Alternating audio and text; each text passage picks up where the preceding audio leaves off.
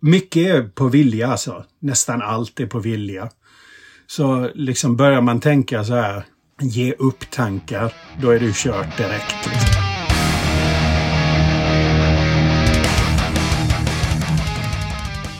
Ja, nej, nu har jag laddat en hel morgon och en halv förmiddag här med att sitta och kolla på drumcams på dagens gäst.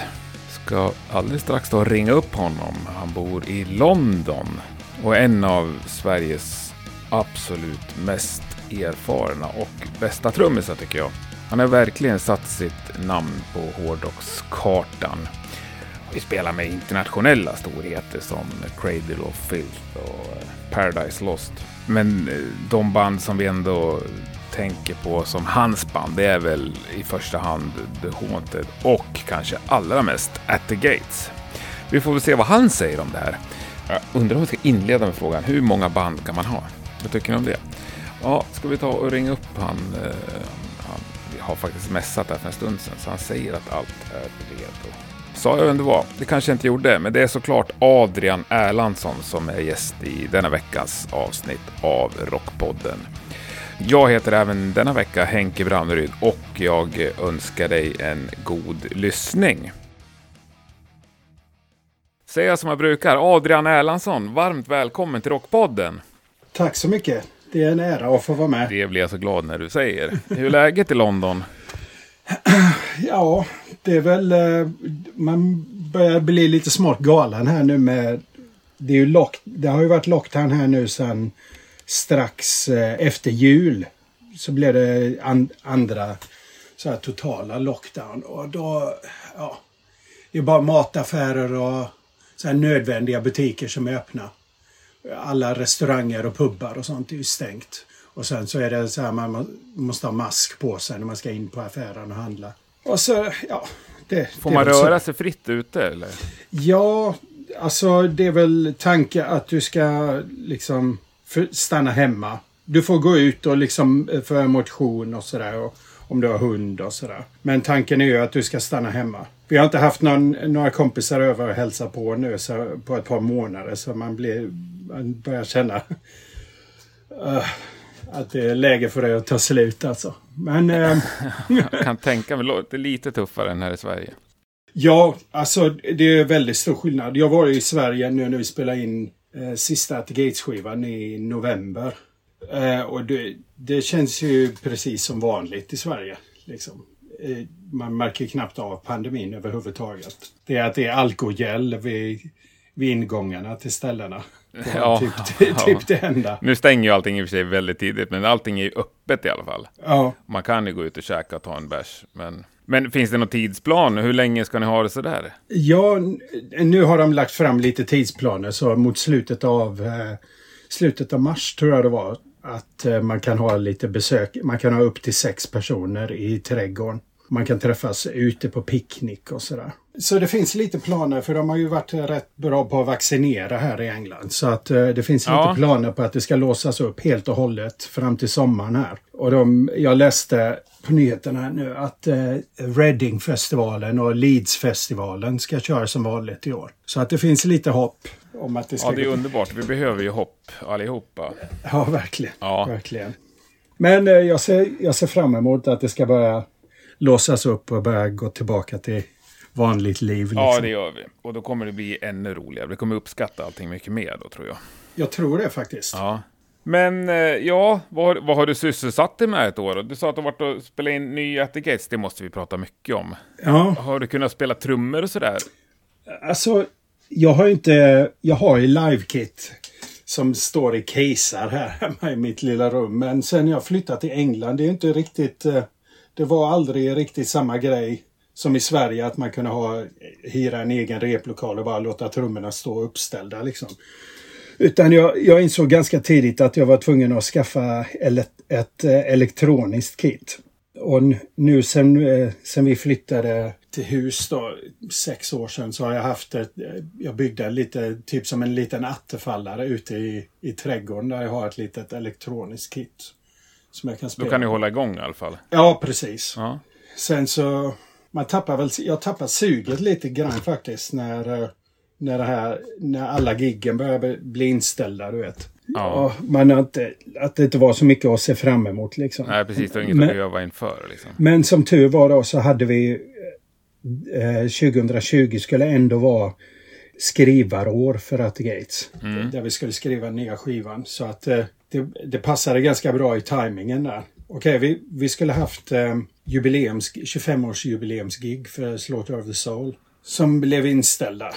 Men utöver det så skulle, var ju tanken att vi skulle vara hemma och liksom jobba på demos till nya skivan. Så att eh, det föll sig ganska bra i timing. Ja, i vår, i vår ja, timing. Mm. Men å andra sidan så har väl du en jäkla massa andra projekt också och band? Ja, det har blivit så. ja, för jag menar Haunted, det tar väl lika mycket tid som At the Gates, eller? Ja, alltså Haunted hamnar, hamnar väl lite på is när... Eh, speciellt när Jonas håller på att skriva At the Gates-låtar så hinner han ju inte skriva någonting till Haunted. Så att det, det, går i olika faser liksom när, när At the Gates är klara så skriver Haunted och, och tvärtom. Så um, vi har väl lite idéer nu uh, för kommande Haunted-skiva som, som vi har börjat jobba på. Um, men jag försöker hålla mig igång här annars med öva på Haunteds liveset, At Gates liveset. Du vet, bara hålla chopsen uppe så att säga. Ja, underbart. Mm. Vilket av dem kräver mest övning? Mm, Haunted skulle jag nog säga faktiskt. För där är ju... Jag var ju med på första skivan och de två senaste skivorna då. Så att det är ja. Själva setlistan är ju rätt mycket låtar som Per hit, äh, skrev ja, trummorna på. Mm. Och då... Ja, det kräver lite mer övning för min del att hålla de grejerna uppe. Att Gates-grejerna sitter väl lite mer i ryggraden kan man säga. Men det kan, ja. det kan ha med att göra att vi har spelat mycket mer live med At Gates de senaste åren. Ja. Men hur, hur funkar det? Du och Jonas Björler, liksom, snackar mm. ni när ni är på At the Gates eh, turné, säger vi? Mm. Eh, håller ni kan ni snacka om Haunted då? Eller är det liksom förbjudet? Tar ni det i separata tillfällen? Nej, alltså vi har, båda banden har en sån här WhatsApp-grupp och det är mest där kommunikationen sker. Ja. Så, så, att det blir inte, ibland kan det bli att eh, om det är något praktiskt som ska lösas. Säg om vi spelar, spelar någon festival med At the Gates och sen så har vi någon festival på något annat ställe med Haunted och så ska vi tillbaka till At the Gates sen. Sådana grejer kan vi prata om men annars så, så, så är det ganska separerat. Ja. Det, har, det, har, varit någon, eh, vi har ju kört ett par turnéer tillsammans med The Gates och Haunted. Då, ja. blev, då var det ju lite mer liksom uppblandat. Ja, jag fattar. Och då lånade ni lite folk av varandra någon gång vet jag också va? Ja. Det Ola med att spela bas. Ja, det varit lite kaos nu sist. Eh, vi åkte till Australien eh, och Nya ja. Zeeland med både At Gates och Haunted. Och då bara någon dag innan vi skulle åka så, så hade Jonas något nödläge så han kunde inte åka med. Och det vart ju lite kaos då i och med att han agerar typ manager i båda, i, i båda banden. och spelar i båda banden. och ja. spelar i båda banden. Och eh, ja, så um, vi fick ta med, för vissa låtar kör vi med klick så det var inte så farligt. Då kunde vi bara lägga in basen med backend-tracken. Ja. Men eh, med Haunted insåg vi snabbt att eh, vi kör, vi kör ju de, de mesta låtarna är ju live liksom. Mm. Eh, utan klick. Och då var det lite så här, ja vi ska försöka. Jag lägger bas till klick på de låtarna. Men det var, det var ju som en kostym, du vet, som man inte haft på sig sedan studenten. Det gick liksom inte. eh, och eh, så då insåg vi snabbt att vi fick låna in folk från... Så med Haunted så hade vi Witcher var ju med också. Så att eh, Victor, ja, Victor Brandt spelar ju bas då mm. på, den, på den turnén. Så han gick in på någon låt och sen så hade vi Martin från At the Gates och Stålhammar från At the Gates kom in och vikarierade på bas. så ja, det var lite... dela upp det liksom? Ja, dela upp det, ja precis. Och eh, samma med At the Gate så var det några gamla utav de gamla låtarna som vi inte kör med klick. Där mm. Eh, Ola gick in och, och spelade bas med At the Gates. Så det var ja, lite... det var ganska kreativt löst ändå ju. Ja, verkligen. Så, Men hur funkar det för dig att köra två sådana pass krävande gig ändå? På raken? Ja, ja alltså det, det, det är ju tyngre är det ju. Fast om du tänker när man repar så repar man ju kanske tre, fyra timmar. Så ändå. Ja, så att, i och för sig, så, men ja. så att eh, om, om man inte har så lång paus mellan sätten så är det helt okej. Är det jobbigare om man har lång paus? Ja, det är det faktiskt. För då hinner du bli kall emellan. Och då blir det... Okej, ja. Vi, vi spelade en USA-turné och då var Decapitated emellan banden. Så Haunted körde först och sen Decapitated och så hade och så At the Gate sen. Och då hade vi, det var kanske en och en halv timme mellan, mellan giggen. Och då hann man ju bli liksom helt kall och stel och sådär. Så, det var ingen höjdare. Nej. Men eh, i, i Nya Zeeland och Australien nu senast då så var, så var det liksom pang på bara direkt. Och det, det Men du, sen hörde jag en rykte om att du var jävligt sjuk också i Nya Zeeland. Ja, jag fick feber eh, av någon anledning. Eh, och det, det är ingen höjdare att, spe, att spela två gig liksom. Men det är liksom... Jag är rätt bra på att bita ihop liksom. Om, eh, om eh, fysiken inte är med så är det bara bita ihop och köra ändå liksom. Jo, fast när man spelar trummor så måste ju fysiken ändå vara med. Ja, fast... Ja, Ja. till en viss del. Det, Ja. my- Nej, men du är ju superproffs ju. det är Mycket, mycket är på vilja alltså. Nästan allt är på vilja. Så liksom börjar man tänka så här, ge upp tankar, då är du kört direkt. Liksom. Ja, det kan jag Men, tänka mig. men eh, om du liksom bara, ja men nu kör vi. Så, Ja. så, fun- så funkar det ofta. Funkar det Ja. oftast. ja, det är ju härligt att höra. Men du, rangordnar du banden, dina band så att säga på något sätt? Mm. Alltså, Ligger att- Gates varmast om hjärtat? Är det en fördom eller? Alltså, alla banden ligger varmt om hjärtat på... Annars hade jag inte varit med liksom. Men, men At the Gates, i och med att eh, vi satsar liksom hårdast med At Gates, så, så får det prioritet liksom. Um, med Haunted så är det ju flera utav killarna som har vanliga jobb och eh, det gör ju då att vi inte kan åka iväg på några längre turnéer. Ehm, och då blir det automatiskt liksom, om man säger, andra plats. Fast det är ju inte andra Ja. plats i liksom att man inte bryr sig liksom, utan det är mer rent praktiskt. Ja, jag fattar. Och det är li- ja, in, inte hobbyband kan man inte kalla det, men jag förstår. Det ligger... An, människorna i bandet har andra saker för sig också. Ja, precis. Men sen är det väl skönt om att Jonas också är med i båda, för det lär ju aldrig då krocka. Precis. Det gör ju hela saken mycket lättare för Jonas sitter ju på kalendern till båda banden också. Så han Ja. vet ju automatiskt eh, om jag kan eller inte kan. Ja, så att... Eh, Men ha- har du några fler band som är aktiva nu? ja, eh, Lurking Fear då med... Eh, Just där, det, ja. Mm. där Tompa är med. Och eh, Stålhammar och Wallenberg och Det Rätte.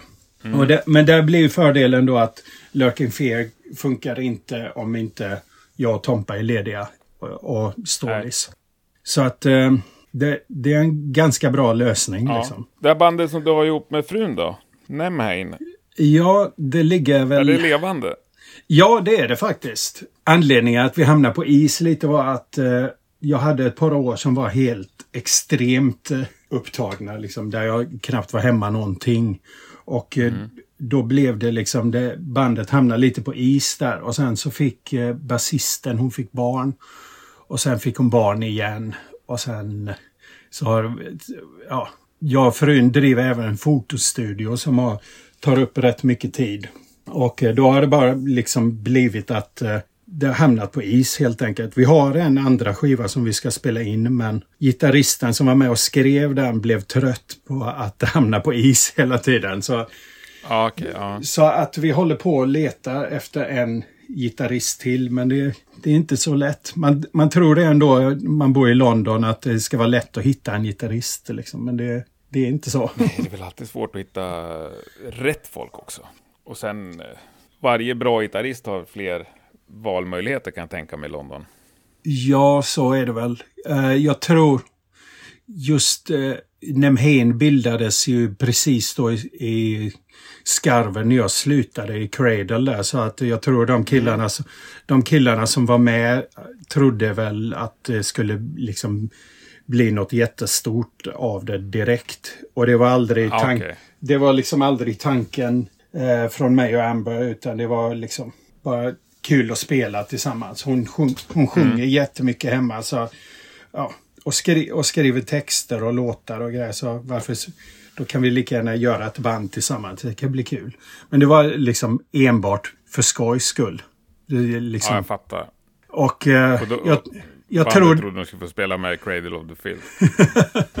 jag tror att det var i alla fall de två första gitarristerna vi hade hakade väl på mest för att det var liksom för att jag hade varit med i Cradle tidigare. Varför hoppar du av det bandet för? Det offici- officiella orsaken var att vi bara gick skilda vägar. Mm. Men alltså, Nu är det bara svenskar som förstår vad du säger så. ja härligt. Ja, ja, men det blev, det var, alltså det, ba- jag kom ju inte med i det bandet för att det var liksom, för att vi var bästa polare.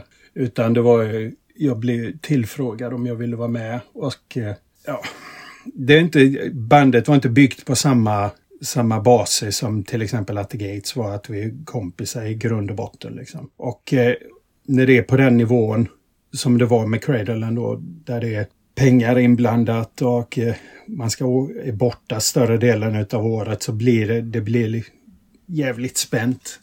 Om du inte är liksom polare med, med varandra.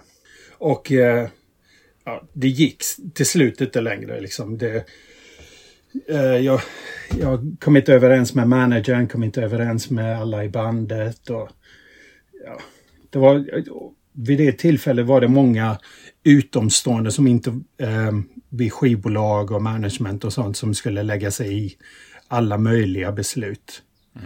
Och eh, ja, i och med att jag inte som böjde mig för alla beslut så togs valet då att eh, jag inte skulle vara med längre. Så är väl... Jag fattar. Men kändes det deppigt eller kändes det nästan skönt? Ja, till en början var det lite, alltså när jag först, först fick samtalet så var det lite så här panik. Shit, vad ska jag göra nu? Bo i England och ha hus och grejer som ska betalas. Ehm, men sen, eh, det, det där löste sig ganska snabbt liksom. För helt plötsligt så var det liksom skönt att gå upp på morgonen och man behöver inte liksom stressa och vänta på något bråkigt telefonsamtal. Ehm, och jag kom med i Brucheria ganska snabbt efter Cradle. Och sen jag, höll vi på, jag, jag och eh, Pat Lackman som eh, sjöng i Damage Plan. Men som även var med i Halford hade något eh, sidoprojekt som vi skulle göra där. Så jag var ganska upptagen med det eh, strax efter Cradle. Och så hade vi ju Nemhain. Så jag höll, höll igång liksom. Och eh, ja, det löste sig ändå. Jag fattar. Men ja, det där var svårt tänker jag. Dels när du är uppvuxen med the Gates som är dina gamla liksom, polare verkligen. Mm. Och sen ändå får man ett lyft, eller man ska säga, och börja med ett sånt världsband. Liksom, spela på den nivån. Och så att allt inte är så där kul som man tänker att det ska vara. Alltså, jag, eh, jag hade ju... Det var ju jättekul eh, största delen utav tiden med Cradle. Var det. Men eh, liksom allt det här byråkratiska tjafset om publishing och sånt. Det är liksom...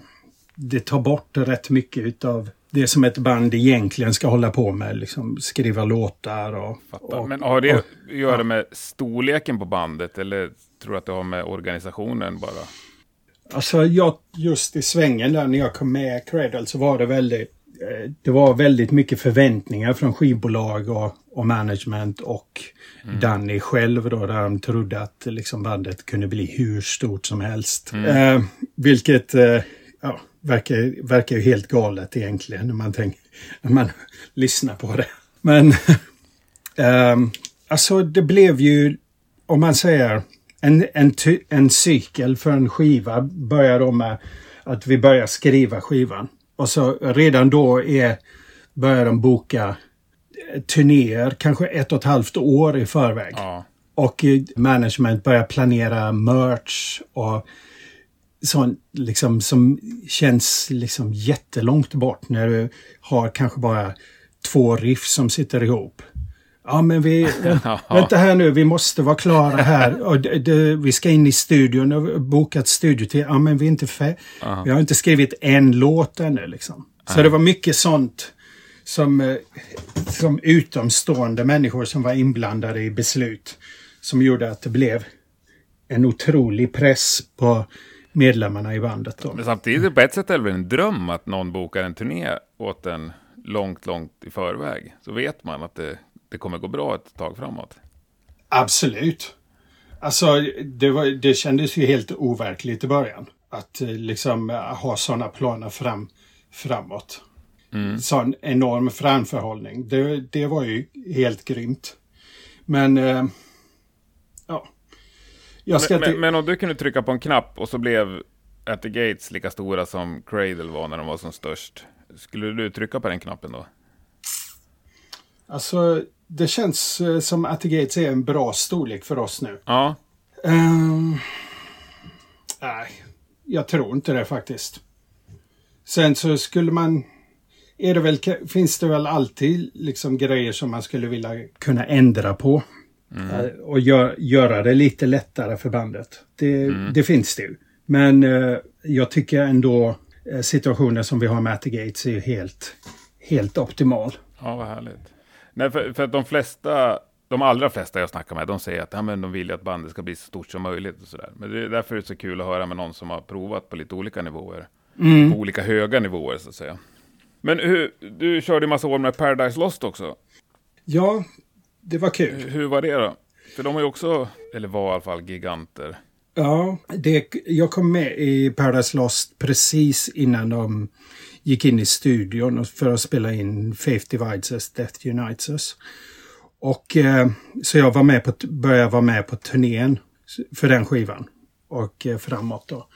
Eh, och det var som jag växte upp med Paradise Lost. Mm. Så här, Lost. Lost Paradise och Gothic var ju enormt stora skivor för min del. Även Shades of God och eh, Draconian Times var stora favoriter för min del. Så det var lite mm. emellanåt ganska overklig känsla att, att spela med dem. Mm. Men eh, på liksom... Där hade...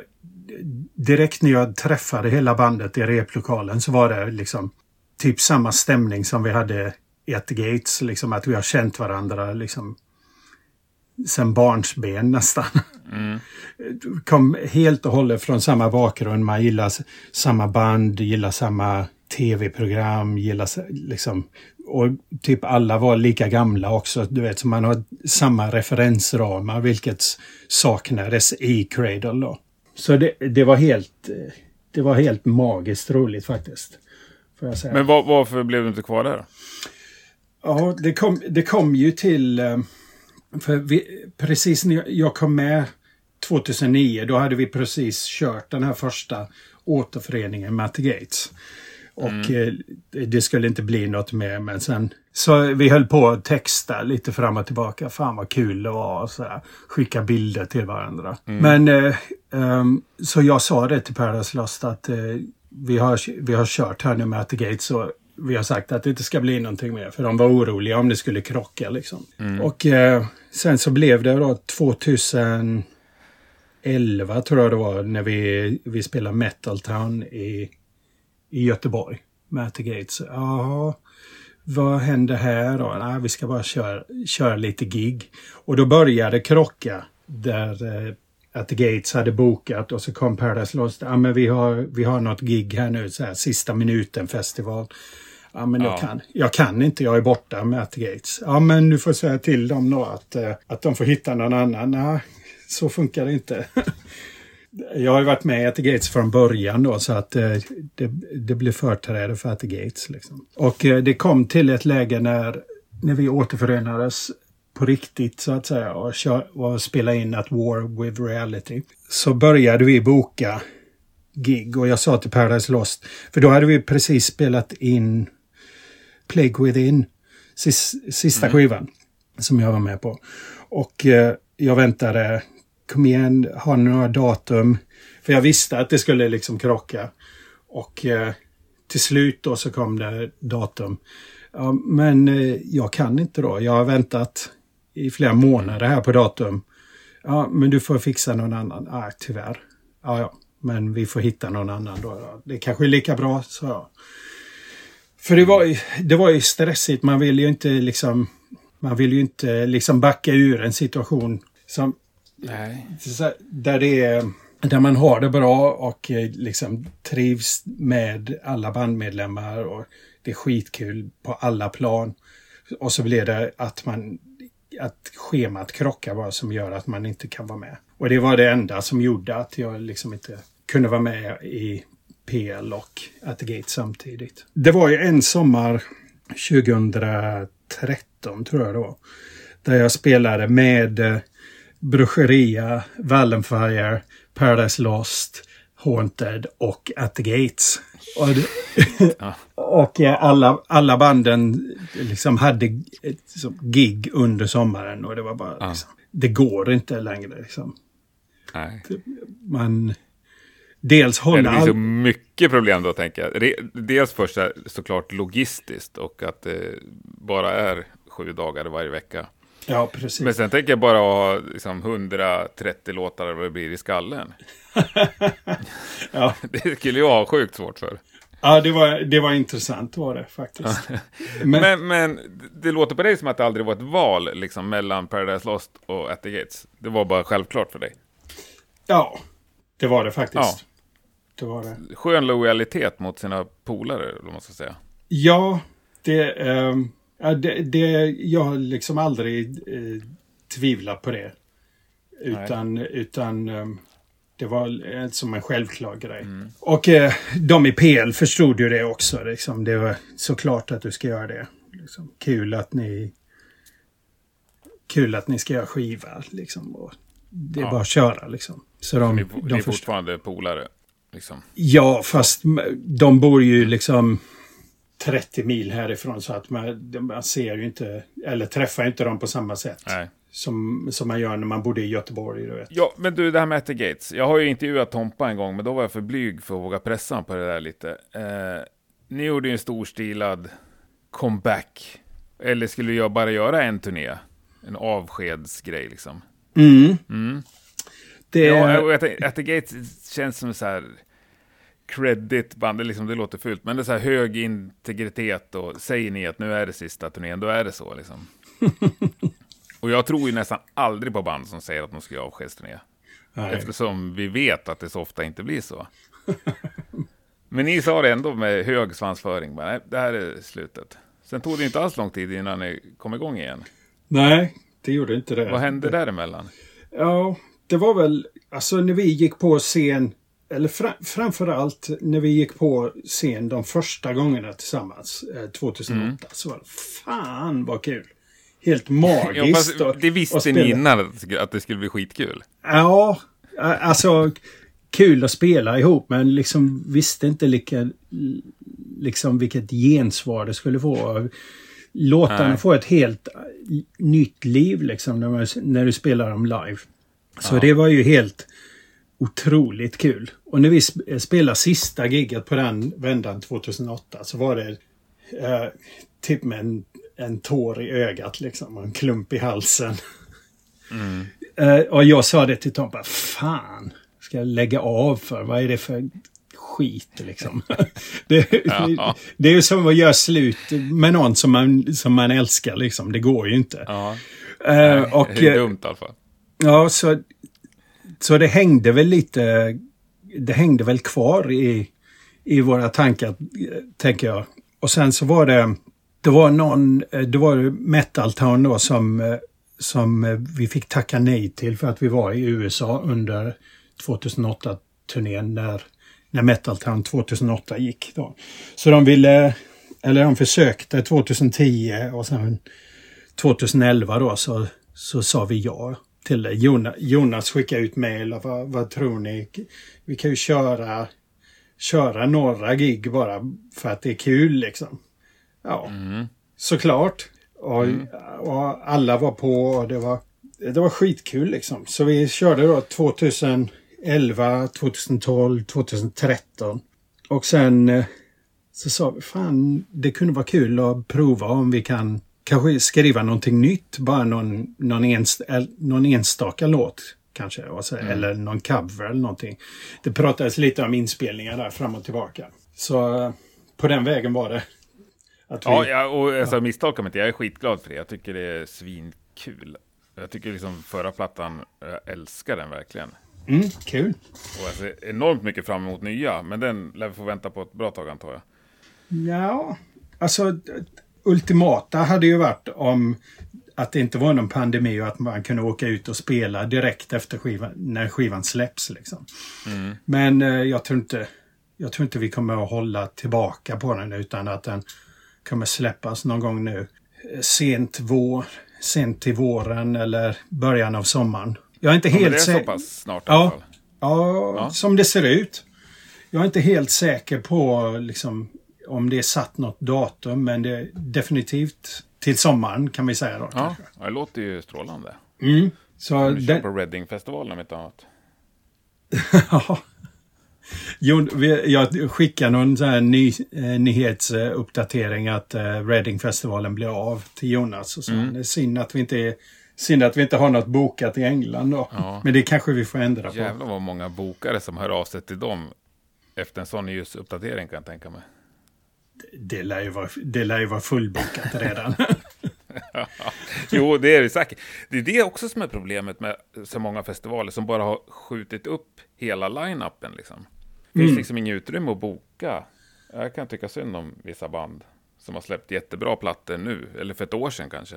Ja, som Paradise Lost. Mm. Den kom ju... Ja. Fan, när kom den? I februari eller mars förra året? Den är ju... Ja, folk lär ju ha glömt den nästan när, när det väl låses upp och börjar spela ja, igen. eller så blir det en slags uppdämd grej bara. För jag menar, det är ju inte alltid så att jag går och kollar på band veckan efter de har släppt platta. Ibland Nej, så... kan jag gå flera år och längta efter att få se ett band live. Ja. Så när jag väl får se dem så är det ju sån jävla release liksom. Härligt. Ja, får, får hoppas ja. på, får hoppas men på du, det. Vi måste snacka mycket mera trummor alltså. Ja. Jag spelar inte trummor, men jag älskar trummor. Härligt. Och lyssna på och titta på. Nu, nu senaste åren alltså har ju det här med drumcams på YouTube, det är, liksom, det är, mitt, det är min hobby. du är jävligt aktiv, lägger upp skitmycket bra grejer. Ja, alltså jag, för, jag försöker. Ja. Tanken var, eh, eller då först... Uh, Youtube var, bör, började väl runt 2006 någon gång tror jag. Och då så, så, så, så, var det någon uh, när vi spelade in med Cradle. Fan, du måste filma och lägga upp på Youtube. Så jag gick och tänkte på det här länge då, men så ja, det blev väl inte förrän rätt många år senare som jag började liksom ta med kamera ut. Och det var ju länge, vad, vad ska man ha med sig för kamera för att spela in för att det ska låta bra också? Mm. För det blir ofta antingen kompromiss på bild eller på ljud. Ja. Framför, framförallt om du inte har Alltså ljudet som är på scen är ju ofta inte ultimat att lyssna på kanske. Om, om du bara sätter upp en kamera sådär. Så, och speciellt nu när vi när, när jag kör med in-ears så har ju jag jag har ju gitarren i mina öron. Så det är ju ingen gitarr ja. på scen bakom mig. Ja, just det. Så då blir det bara en massa hi-hat och cymbaler liksom, och virvel. Ja. ja. Men, eh, Men jag, jag vill ju ha 90% trummor och så bara att man kan skönja i bakgrunden vilken låt det är. Liksom. Mm. Så att man kan hänga med i låten. Men jag vill ja. inte höra något jävla gitarrspel. Liksom. Härligt. Men ja, ja, Så, så det försökte jag ju nu på de senare, eller sista turnén med At the Gate så, så ja. drog jag fram en monitor och satte, så, och så la vi sång och gitarr där. Det var ju också som en, eh, som en livhank ifall mina in skulle lägga av under gigget. Vilket de gjorde någon Ja, gång. jag fattar. Men du gjorde och, det ändå egentligen för att kunna göra drumcams? Uh, ja.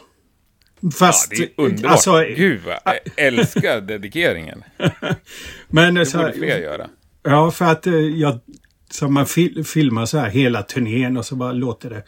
Hör man bara hi-hat liksom. Så, nej, men... ja, det är tråkigt. ja. Men, men kollar du också på andras eh, drumcams? Ja, det gör jag. Det gör jag. Ja. För, um, funderar på om jag har någon favorit. Um, ja, jag tänkte be om en snabb topp tre här. Ja, alltså absolut favorit är nog Eloy Casagrande från Sepultura. Oh! Är det sant? Ja. Jag har två YouTube-fönster öppna i min dator just nu. En heter Adrian Erlandsson och en heter Eloy Casagrande. Grymt. Alltså ett jävla monster han är. Ja, han är grym. Han är verkligen ja. grym. Och så att han ser ut som Hulken också. Det är så kul.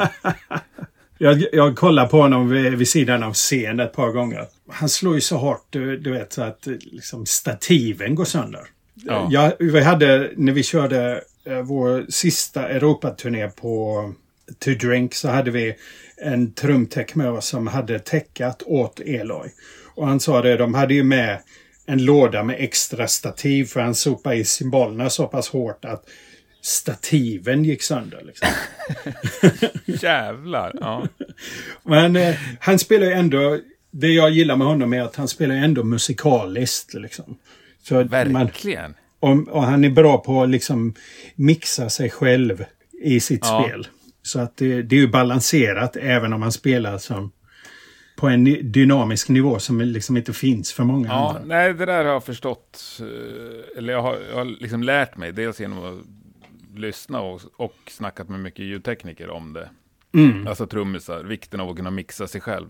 Mm. Många sliter sitt hår över trummisar som bara slår så hårt på symbolerna så att det inte blir något annat. Ja, det, det är väl någonting. Jag jobbar rätt hårt på det själv faktiskt. Och liksom ja. försöka hålla tillbaka på symbolerna och liksom smäcka i mer mm. på liksom skinnen. Och eh, nu under se senaste turnén så gick vi över. Vi sen återföreningen så har jag haft liksom trigg på baskaggen, Matt Gates, för mm. att liksom dels för att vi har det i monitorerna för att det blir konsistent och liksom. Men sen så har man ju även liksom börjar man ju förlita sig på det där och eh, sen när triggen väl strular så tänkte jag fan då hade vi, vi hade med oss Judas som eh, jobbar med Meshuggah tidigare. Och han sa, ja. mm. fan, gå över, mm. gå över till akus, helt akustiskt. Ja, men ja. vad ska... För då ble, blev det, då hade jag triggen i min lyssning. Och då hör du ju liksom inte om du, om du svajar i, i dynamiken. Så nej, men nu, nej, kör vi, nu kör vi akustiskt bara i din lyssning också. Och då blev det ju en helt annan helt annan grej. Jag fick trycka på bra mycket hårdare med benen. Liksom. Det, men det var, det var insiktsfullt och eh, väldigt eh, lärande, ska jag säga. Och jag, för, jag föredrar nog det nu faktiskt. Så jag tror när vi kommer, när vi väl kommer igång igen, tror jag att jag kommer låta triggen vara hemma faktiskt. Och så helt utan? Helt akustiskt. Mm. Ja, det är rent spontant för mig som är lite gammalmodig sådär på många sätt så känns mm. ju det bäst. Ja. Jag blir ju glad när jag hör band som kör utan klick och utan trigg. utan klick med? ja, ja det är, jag, ty jag, tycker det är ascharmigt. Ja, det, alltså det... Eh, just... Charmigt är fel ord. Jag, jag, blir glad, jag blir liksom imponerad och tycker att det känns, det känns mer genuint och äkta och att så här, fan de här grabbarna kan ju verkligen lira liksom. Mm, mm. Det, eh, jag märkte skillnaden när vi körde återföreningens, återföreningsturnén med The Gates. Då körde vi ju, då hade vi inga låtar med backend track. Utan då, då körde vi bara och så intron och outron och sånt kom från en mobil vid sidan av trumrisen. Mm. och då kunde ju tempona vara liksom alldeles för snabba. Liksom, mm. när adrenalinet tar, tar fart så liksom tappar man den här eh, shit, du spelar för snabbt liksom. Man tänker inte på det liksom. Man känner inte det. Nej. Men sen när vi gjorde At War with reality-turnén, då var det liksom klick på de nya låtarna. Och då, mm. blir det, då, blir, då får man någon sån här balans där du hör i och med att du har klick på liksom hälften av låtarna kanske så, så känner du med en gång ah, här spelar jag alldeles för fort tidigare på de gamla låtarna. Så, ah, det blir, okay, så, ja. så, att det liksom smittar av sig på hela sättet. Liksom. Så att det blir en bättre balans i det. Det är fortfarande live och klickfritt på det gamla fast det blir liksom stabilare i och med att du har en referens hela tiden som håller tillbaka dig när du spelar de nya låtarna emellan. Ja, intressant. Mm. Men vad föredrar du då? Um, tycker det är rätt skönt med en med en blandning eh, av, speciellt på de, när man går på så har man första tre låtarna så har det så otroligt mycket adrenalin. Då är det, Ja. lätt, då är det lätt att liksom skena iväg i tempo. Så då kan det vara skönt att ha liksom ett klick som liksom håller, Ja, som håller håller på dig. mattan. Ja, och sen så kan det ju vara också om det är strul med ljud och sådär i början på gigget. Då kan det vara skönt att ha, att ha klicket liksom. För som med At Gate-sättet så kan jag, jag, kan jag skulle kunna spela med bara klicket. Inga, inga gitarrer. Och det har hänt någon gång då att jag har fått gitarrerna från mix, eh, från monitorbordet på scen. Och så har de inte skickat gitarrerna på, under första låten. Så att man Ja, ja. har spelat till klick. Och hade jag då inte haft klicket så hade det varit otroligt mycket jobbigare att spela. Ja, då blir det svårt. Ja, Mm. men det är ganska starkt ändå att kunna spela bara till klick. Ja, Eller det kanske alla kan. Ja jag vet inte. Jag kunde inte Nej, spela. all, aldrig att alla kan det. det. Så kan det inte vara. Det beror, på Nej. hur, det beror på hur bra man kan låtarna tror jag faktiskt. ja, det måste det verkligen bero på. Ja. Men du, vilken är din favorittrumma? Vilken del av trumsetet tycker du allra bäst om? Oh, tror jag gillar stativen mest faktiskt. Stativen? Ja, Ja, det är en udda kärlek. Ja, alltså bra stativ gör... Eh, du kan ha ett otroligt bra kit. Fast har du kassa stativ så, så är det bara att glömma liksom. Men har du bra stativ så kan du hänga på nästan vilken skit som helst och så blir det bra liksom. Det, det grejer är sant, så- det är så? Ja, jag tycker det är lite under festivaler och så. Ja. Det, det är bland det värsta jag vet för jag, jag, spel, jag har ganska fysisk spelstil och har, har jag då stativ som flyttar på sig och liksom och så här cymbalbommar som släpper och sånt. Det är sjukt irriterande. Och så bastrummor som flyttar på sig när man spelar. Det, ja, det är det värsta. Måste jag ja. Så jag, jag får nog säga stativ och sen eh, baskaggepedal. Kommer nog... Vad ska det vara för stativ och för pedal då? Ehm, Du får ju reklam här. Ja, fast det, eh, de, fle, de flesta märkena har ju bra, stat, har ju bra stativ. Det är ofta när, när det är backline-grejer, speciellt vid festivaler då, så är det, så är det liksom grejer där folk har dratt sönder gängorna och sånt. Så att eh, jag kommer ihåg vi hade något gig, eh, Brutal Assault var det, där vi skulle spela både med Haunted och At Gates. Så Haunted spelade först då på eftermiddagen. Och då hade jag något kit som som redan stod på Ryzen. Och eh, ja, det, det var inte så mycket tid att liksom ställa upp och hålla på och pilla med allt. Och sen när jag väl började spela på det så bara krascherna började rasa, bastrumman flyttade på sig, virvel, virvelkorgen släppte och det var bara kaos. Det är extremt svårt att liksom hålla koncentrationen uppe när, och fokusera på att spela när, när sådana grejer händer. Men vad har du för bra trick för att få baskaggen att stå kvar?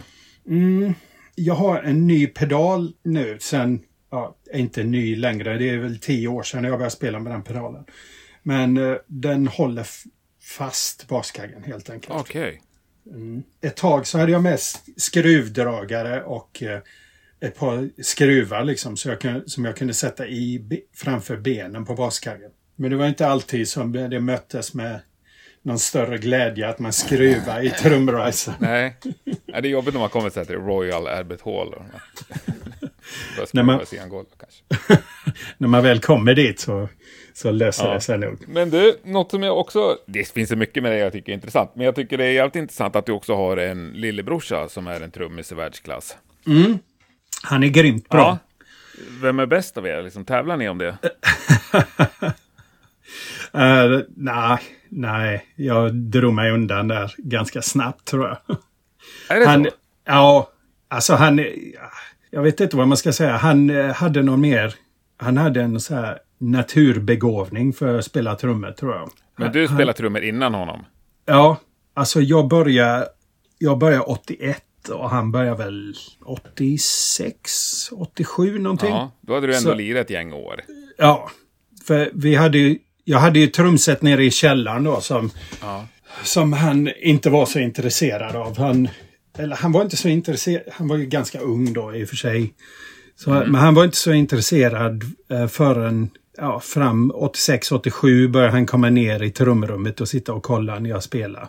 Och sen eh, blev det, eh, jag, flytt, jag flyttade till Göteborg eh, 90 och eh, så här, man kom hem på helgen och så hade man inte träffat honom kanske på en månad och så kolla här vad jag har lärt mig. Och så bara... De, han hade ju något band eh, som hette Eucharist i början där. Eh, och eh, jag vart ju helt knäckt liksom på hur, duktig han hade blivit på väldigt kort Mm. tid. Så jag insåg ganska snabbt att det är helt omöjligt att hålla på och mäta sig med honom. Det blir bara liksom depression utav det om man ska göra det. Ja, men det är, det är så illa. Du tänker Ja, så. alltså, in, Ja. nej, alltså inte, inte Nej, så. ja, jag fattar att du inte blir deppad på riktigt, men att... Ja. Ja. Men alltså samtidigt så är det enormt inspirerande att se och höra det han, det han hittar på. Liksom. Nu under, vi åkte ju med dem i, eh, i USA med Amon Amarth och uh, Arch Enemy. Mm. Och då delade jag hans kit och vi hade samma trumtech. Och, så det var ju enormt inspirerande att liksom, dels spela på hans kit men se honom spela varje kväll. Fan härligt att ha det med sin brorsa i vuxen ålder. Ja, verkligen. Verkligen. Vi, Men, men jag tänker ändå så här, bröder eh, ofta i alla fall tävlar om mycket. Finns det annat inom musiken där ni liksom kan eh, mäta er med varandra? ja, fast det, jag tror... Alltså, ha- han vet att han är mer teknisk. Ja, jo, men då kanske Eh. du har fler guldskivor, inte vet jag. Men alltså, hänger du med på... ja, hittar fast, du andra? ja, fast vi, vi mäter inte längre. Nej? Utan jag, har, jag tror den mätningen faktiskt slutade när Eucharist släppte sin första demo.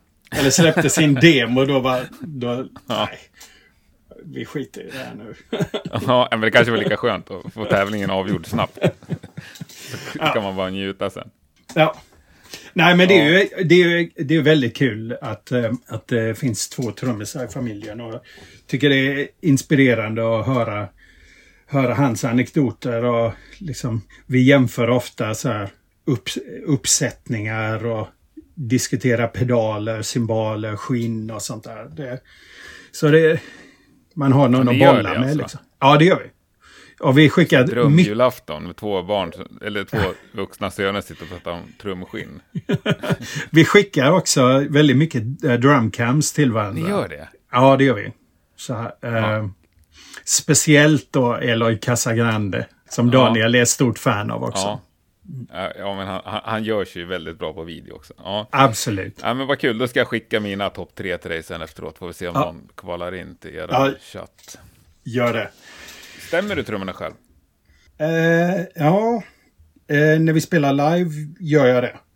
Ehm, I studion nu senast så hade vi en kille som var med och hjälpte oss att stämma, som var otroligt duktig.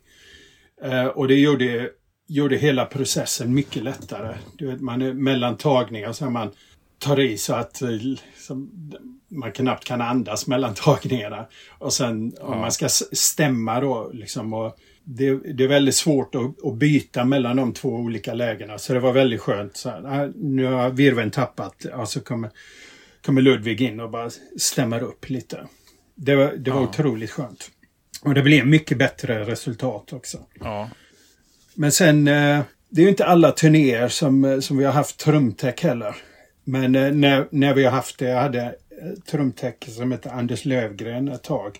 Och det var ju skönt, man kunde lita på honom. Det, det var ju en så pass, han kunde min uppsättning så pass att eh, jag behövde liksom inte oroa mig över kittet överhuvudtaget utan bara komma upp, kolla så att medhörning och sånt funkar och sen så var det bara att köra liksom. Och det var perfekt varje kväll. Sjukt skönt. Mm. Men eh, nu när vi har åkt, eh, när vi flyger så här mellan festivaler så är det oftast att jag sköter det där själv. Eh, För att vi inte har haft med oss någon trumtech då. Och då, då kan det ju bli lite så här, eh, man ska försöka, stäm försöka stämma medans något annat band är på scen. Ja, just det. Ja, det kan vara Det måste sådär. ruskigt svårt. Ja, emellanåt. Men eh, då koncentrerar jag mig oftast på bara att det inte är några så här ful ring eller någon så här ful ton på virveln.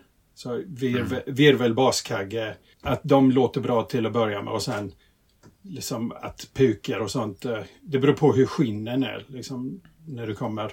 Ibland kan det vara liksom att de är helt urgröpta och du bara får liksom tejpa upp det. Så att, Är det så dålig standard? Det- ni spelar ja. ändå på stora, schyssta festivaler. Liksom. Ja, fast då är det oftast om man spelar bland de sista banden. Så kan det vara Ja. att kittet liksom har stått liksom. Ja. Sepultura spelat innan er.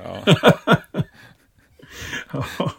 Ja, det, det, Men Ja. om ni kör, så, kör sådana flyggig, eh, Mm. vad tar du med dig för någonting då? då har jag med pedaler, pinnar, eh, vår backtrack-uppsättning och eh, cymbaler. Ingen virvel? Nej. Virven brukar oftast vara bra faktiskt när, när du kommer. Eller, Ja, fast samtidigt Re- tänker jag att många trummisar är jävligt petiga på virvel också. Ja, fast då tänker jag det är dödsmetallen då liksom. Det, det gör inte så mycket. Det mest, som eh, jag pratar, pratar med en del trummisar. Ja, jag har med den här gamla Ludwig-virveln från 60-talet. Ja. Och så, så ser man dem spela så det, det kvittar liksom. För min, del, för min del är det inte så viktigt. För jag tänker mer liksom att jag vill ha så lite bagage med mig som möjligt. Så jag försöker alltid liksom streamlina vad jag har med mig och liksom hitta här, så här mycket eller så här lite klarar jag mig på snarare. För att då i slutändan ändå jag som ska bära på alla grejerna. Ja, ja, det är ju så. Men du, hur många Och- trumpinnar tar du med då? Ett gig bara? Flyga Ja. ett gig och sen hem? Hur många tar Flyga med? Ehm, sex par kanske. Mm. Hur många dem Ehm, blir använda? då? Det brukar gå typ två par per, per gig. Ja. Men sen så allt, har jag alltid ett par pinnar i omklädningsrummet. och eh, sen får du räkna, eh, brukar jag lägga ett par pinnar i, min, eh, i mitt carry-on bagage också för att det är ofta att... Eh, Ah, eller det har, hänt, det har hänt någon gång att eh, mitt bagage inte kommer fram. Och det är ja, mindre kul. Och pinnar, det är inget du, man kan låna på plats? Ja, jag har, eller jag har är, ganska... det, är du jättekänslig så att säga? Ja, pinnar är nog känsligare än pedaler faktiskt, tycker jag. För jag, ehm, jag har så pass tjocka och långa pinnar så att det, det är ofta svårt att hitta den modellen om det, om det kommer. Kom ihåg, vi kom eh, till eh, Bolivien, eller Bolivia och skulle spela med eh, eh, Brucheria. Och mina, mitt bagage kom inte fram. Så inga cymbaler, inga pinnar, inga pedaler, inga kläder med mig. Utan bara liksom det jag hade i carry-on. Ja. Som tur var så hade jag ett par shorts och mina trumskor i, i min carry-on-väska. Men sen så blev det... Jag fick låna någon så här blandning av olika pinnar utav ett av supportbanden. Och eh, så blandning av cymbaler och pedalerna ska jag inte ens prata om. Liksom. Det var snudd på omöjligt att spela. Men eh, det, det är bara liksom tuta och köra och inte fundera så mycket på krissituationen som man har framför sig. Ja, ja, det kan jag tänka mig. Och som du säger, det är bara dödsmetall. Precis. Men du, eh, lite mera YouTube. Du är ju, jag är ju också, det var ju så vi kom i kontakt med varandra. När Jak- Jakob eh, Herman la det fantastiska citatet att jag vill leva mitt liv så som Adrian Erlandsson är när han äter på YouTube. Ja, det är härligt. Ja, jag tycker du är Skönt- dålig skönt på, du citat. lägger upp för få alltså. Ja, alltså det där. Det var lite så här som, alltså jag älskar ju att äta. Och Ja, fi, ja det fi, ju. fika är typ det bästa jag vet. Ja, Och ehm, eh, för, förra året då när, när lockdown precis drog igång här så var det, då hade jag så här enorm pepp på fika. Och Ja. eh, så tänkte jag, ja, men det är kul, man kan lägga upp lite videos och så här. Och så under turnéer så brukar jag filma och lägga upp så här eh, Adrian Chips Tips kallar vi det då. Då brukar Stålis vara min kameraman. Och eh, ja, det där eh, spårar väl ur lite grann här nu under lockdown då i och med att man inte var ute och spelade så mycket och så Ja. fika tips varje dag liksom. Och, så Det märkte, är underbart. Ja, men ehm, så, ja, så min vikt skenade iväg där. Så, så tänkte jag, ah, fan det går inte det här. Jag kommer bli sluta som en boll i slutet på lockdown. och eh, så jag, eh, jag la av med det ett tag där. Ehm, Ja. men, men nu har jag, jag har en ny idé här nu på, för jag har, för att bli av med den fikamagen som jag fick där då, så, så börjar jag cykla och springa massa. Och eh, det är en stor del utav eh, hur jag tar mig igenom vardagen här nu. Ja. Med löpning och cykling. Så nu har jag funderat på, jag ska göra nya tips här nu.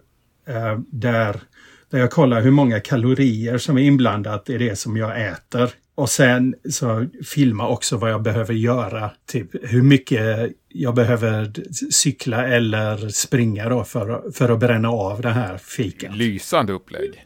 Ja, så jag tänker... Ja, jag tror det är många som har lite coronakilon också som behöver inspiration. Ja, men eh, fan. Eh, För jag såg några nya kex här nu.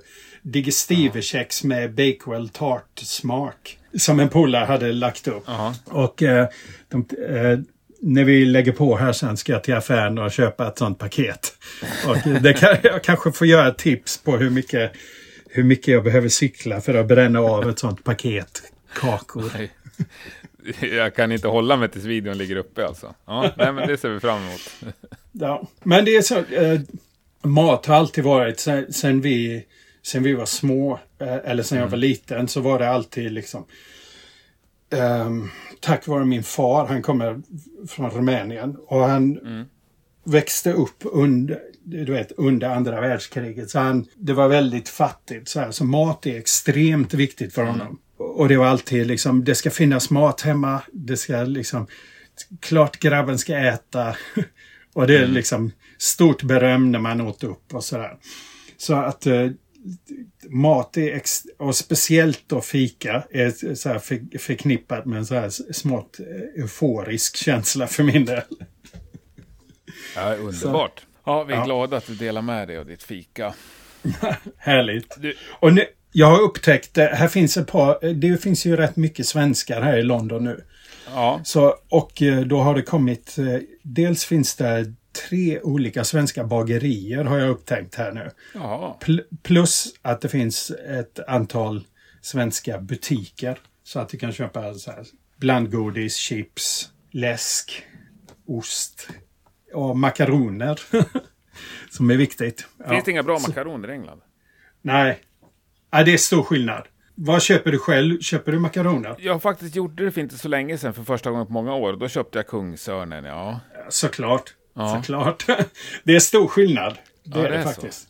Ja. Ja. Däremot chips, det tycker jag att vi är världsledande på i Sverige. Ja, absolut. Jag förstår inte att, att jag tycker både OLV och Estrella håller liksom världsklass. Att de inte lyckas exportera mer än vad de gör. Nej. Nej. Och det där, jag har ju försökt eh, liksom så här, du vet man, om vi har fest här hemma och så har jag varit Mm. och handlat på svenska butiken och så har jag dill och gräslök och grillchips och ställer Ja. fram och så folk provar. Vad fan är det här? Gillar de inte Dillchip? Nej, dill har, ligger lågt. Ja, men OLV, dill och gräslök, det är ju mamman av alla chips ju. Ja, ja, jag håller med. Jag håller med. Ja. Men eh, alltså de, eh, bara de i PL. eh, De, what, what the fuck is this Eastern European shit? Dill, dill är ju stort i, i Östeuropa. Ja. Men, även, men även Sverige. Men här i, Eng, i England så ligger dill lågt alltså. Det är väldigt låg kurs på dill. Jo, men också konsistensen på vanliga grillchips eller så. Mm. Ja, men, vad heter de här Lays som finns över hela världen? Ja, Det är så fruktansvärt dålig konsistens. ja, ja jag håller med. Jag håller Ja. med. Men ja, det där är Ja. något, jag tror det är någonting man är, blir van vid sen, sen barnsben liksom. Ja, och det kan jag förstå. Jag kan förstå att folk inte gillar Kalles Kaviar om man inte är uppvuxen med. Men vissa grejer tar ju ändå folk till sig. Ja, nej, det där får vi klura mer på. Alltså. Chipsgåtan. det känns ju otroligt futtigt att snacka om en hel världs... eh, liv med världskarriär på så här en timme och fem minuter eller något. Men jag tror att vi ska säga tack för idag. Ja, det, var- det var trevligt. Det var riktigt trevligt. Ja, jag har haft med dig nu eh, sen eh, faktiskt. Eh, jag har ju sett podden väldigt länge så här, eh, på nätet. Men för, först nu faktiskt när, när jag såg Jakob eh, Hermans intervju. Nu ska jag ha med. Så jag har haft med och lyssnat rätt mycket här nu på, på din podd medan jag har varit ute och sprungit. Var Fan vad trevligt att höra. Ja, och jag lyssnade på, på intervjun med Stålis här igår när jag var ute och sprang. Det var Ja. trevligt. Så det, det är en ära att få vara med Ja, faktiskt. fan vad kul. Det är ännu större ära att du lyssnar och nu är med. Ja, härligt. Eh, nej men stort tack Adrian och eh, ha en härlig helg. Ja, tack så mycket. Tack detsamma. Lockdownen. Ja, så kommer jag skicka mina topp tre drumcams här. Se. Det ser jag fram emot. Ja, sköt om det så hoppas att vi hörs snart. Och Ja. syns på en live-scen. Det ser jag fram emot. Ja, shit alltså. Men det kommer. Då, får, då får vi prova chips. Ja, det ska vi göra. Lätt. Ja, stort tack. Härligt. Ja, tack själv. Tja. Hej. Tack, hej hej.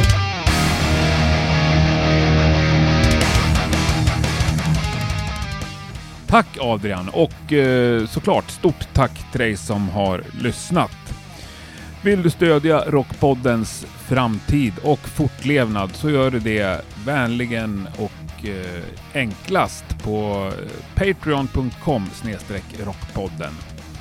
Eller så finns ju alltid möjligheten med ett litet swishbidrag och då är det till 070 77 38 200. 77 38 200. Stort tack till alla er som gör det. Ha en grym vecka så hörs vi nästa torsdag igen hoppas jag. Ciao!